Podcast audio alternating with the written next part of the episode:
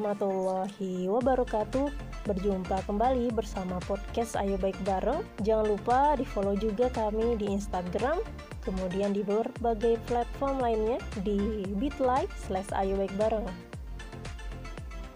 Hari ini mempersamai pada tanggal 21 Juni 2020 Jurnal Syukur hari ini.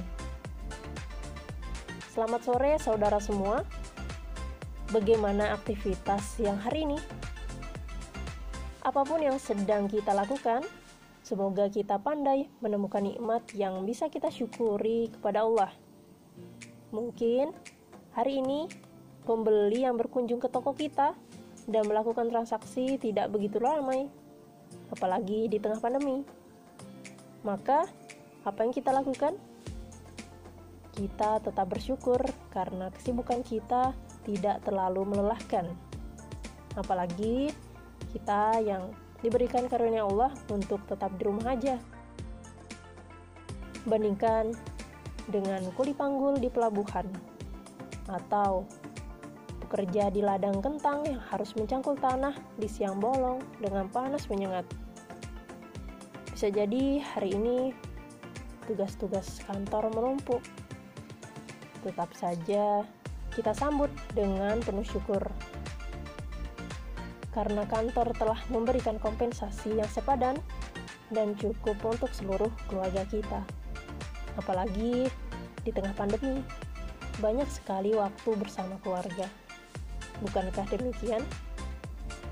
Bayangkan, mereka yang penghasilannya day by day, di mana apa yang didapat hari ini memang hanya cukup untuk hari ini, dan mereka harus bekerja lagi esok harinya untuk bisa hidup di hari berikutnya itu, tanpa melihat bagaimana hirup pikuknya di luar sana, dan banyak hal-hal yang harus kita jaga, jaga jarak, jaga kesehatan, dan lain sebagainya untuk menjaga jiwa kita. Tidak terkecuali para ibu rumah tangga yang sibuk merapikan rumah, mencuci, dan memasak untuk keluarga. Jangan berhenti untuk bersyukur. Karena kesibukan kita sudah jauh lebih ringan dengan aneka perlengkapan modern.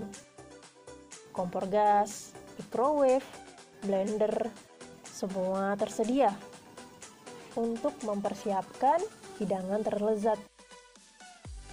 Bagaimana rasanya jika kita masih menggunakan kompor tungku atau yang menggunakan minyak tanah? Masih ada nggak ya sekarang? Dan perlengkapan tradisional lainnya. Itu pun hanya untuk memasak menu ala kadarnya saja, bukan?